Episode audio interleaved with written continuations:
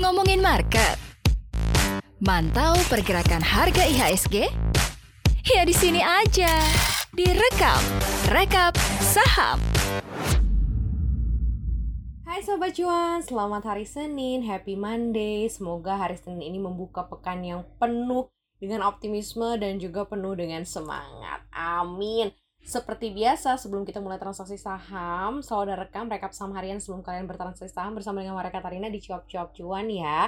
Kita awali dengan IHSG yang harus ditutup melemah 0,58% ke level 6101,69 di perdagangan pekan lalu, tepatnya di hari Jumat.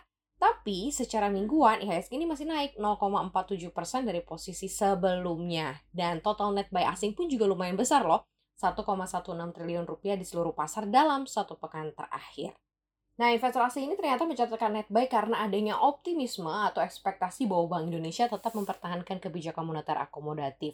Sejumlah data domestik juga ternyata membaik ya, didukung oleh nilai ekspor impor yang masing-masing naik 54,46% dan 60,12% secara tahunan data per Juni 2021. Dan walaupun sedikit nih dilakukan ada aksi profit taking ya di para pelaku pasar, tetapi ini tampaknya tidak mengurangi euforia bagi investor domestik dan juga asing untuk tetap mengakumulasi saham-saham terbaik di indeks harga saham gabungan. Seperti diketahui ya, 60% dari perekonomian Indonesia ini kan ditopang oleh konsumsi domestik dan juga rumah tangga. Jadi sangat-sangat sensitif terhadap pergerakan masyarakat secara keseluruhan. Kalaupun misalnya PPKM dinilai tidak terlalu efektif dalam mencegah penularan COVID-19, banyak pihak yang justru mendukung adanya pelonggaran PPKM dan hal ini pun dengan catatan bahwa industri esensial, kritikal yang berorientasi ekspor dan juga bersifat padat karya ini sudah bisa eh, melakukan vaksinasi dan juga dengan tingkat protokol kesehatan yang juga tinggi sehingga dapat memenuhi operasional 100%.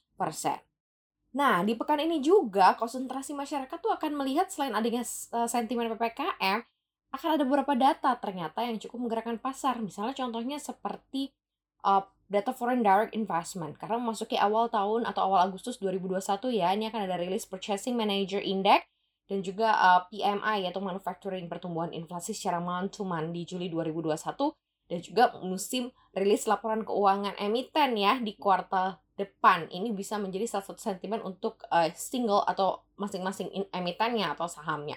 Sementara itu dari sisi faktor ketidakpastian ini juga masih cukup tinggi karena ada pertarungan melawan pandemi dinilai masih jauh dari kata selesai seiring juga melonjaknya kasus infeksi di saat tingkat vaksinasi di Indonesia masih cukup rendah.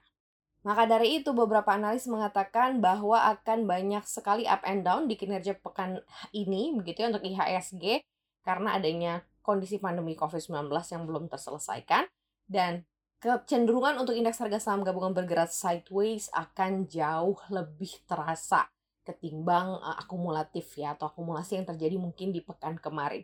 Jadi dari statement ini Sobat Cuan sudah udah bisa mikir nih kira-kira portofolionya seperti apa ya enaknya. Hmm, kayaknya pekan ini gue bakalan ganti strategi untuk investasi deh. Mungkin gue swing trading aja deh gitu ya. Atau mungkin gue dengerin cuap-cuap cuan sambil gue trading jadi berisi gitu. Nah itu dibebasin sih ke Sobat Cuan. Tapi yang jelas kita akan banyak-banyak kasih informasi ke Sobat Cuan. So sekarang kita masuk saatnya ke informasi-informasi yang masuk dalam radar rekam hari ini. Beberapa data-data yang kita ambil ini adalah data informasi emiten ya. Yang pertama ini dari emiten consumer. Dua-duanya dari consumer sih kayaknya yang masuk dalam radar rekam.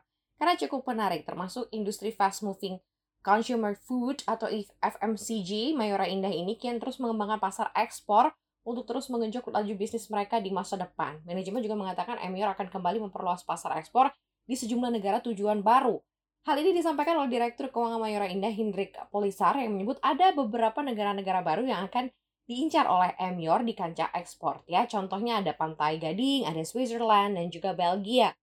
Dan selain menambah pangsa pasar ekspor baru, Mayora ternyata memperkuat posisi juga di negara tujuan ekspor yang sudah ada atau existing.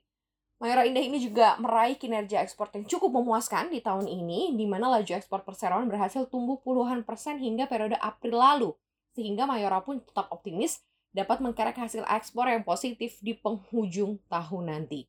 Keyakinan dari perseroan terhadap pasar ekspor selain dengan target yang positif dan juga dibidik di tahun ini, Di sisi lainnya, penjualan Emior juga diprediksikan akan tumbuh 10,3% dari sebelumnya di tahun 2020. Dan tidak hanya penjualan, di sisi laba bersih pun diprediksi akan tumbuh 1,9% menjadi 2,13 triliun rupiah sampai dengan akhir tahun 2021 nanti.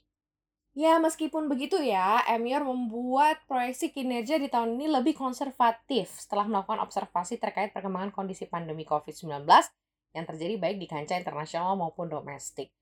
Diversifikasi pasar, good, dilakukan oleh Emior. Karena kalau misalnya fokus ke domestik dengan daya beli down, kayaknya mungkin agak-agak berat ya untuk emiten consumer. Apakah pasar ekspor bisa menyelamatkan kinerja Emior? Nanti kita lihat ya. Next.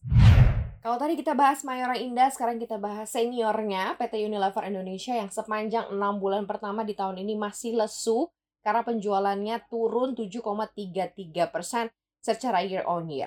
Dari sisi kebutuhan rumah tangga, perawatan tubuh masih mendominasi penjualan, kontribusinya 12,49 triliun rupiah, tapi ini rendah capaiannya 10,71 persen di, jika dikompar di semester 1 2021 2020 lalu. Jadi penjualan makanan, minuman, mencapai 6,69 triliun rupiah, cuma naik tipis. Nah, lesunya penjualan Unilever ini juga turut menekan laba bersih perusahaan dari Januari sampai dengan Juni 2021 di mana laba bersihnya tertekan 15,85 persen. Salah satu penyebab kondisi ini terjadi di Unilever karena adanya beberapa beban-beban yang harus ditanggung termasuk harga bahan baku yang naik sehingga gross margin Unilever juga ikut tertekan. Tapi rasio advertising promotions to sales ini masih di kisaran 20 persen ya ini memperlihatkan bahwa efisiensi Unilever memang sudah sampai batas jika beban pemasaran dan penjualan ditekan lagi maka market share masih akan bisa tertekan lagi. Artinya bisa ikut turun lagi ya untuk market share dari Unilever.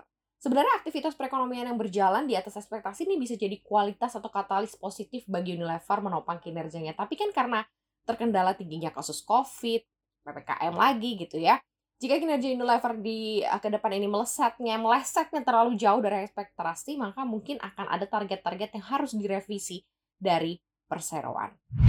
Gimana Sobat Cuan? Tertarik gak sama Mayora Indah dan Unilever? Itu sedikit gambaran struggle-nya bisnis uh, consumer atau bisnis retail di Indonesia dan ini terditimpa menimpa juga untuk dua emiten besar yang ada di Bursa Efek Indonesia. Kalian bisa nilai sendirilah seperti apa nanti data-data yang diusahakan oleh perseroan ini akan cukup baik sampai dengan full year 2021.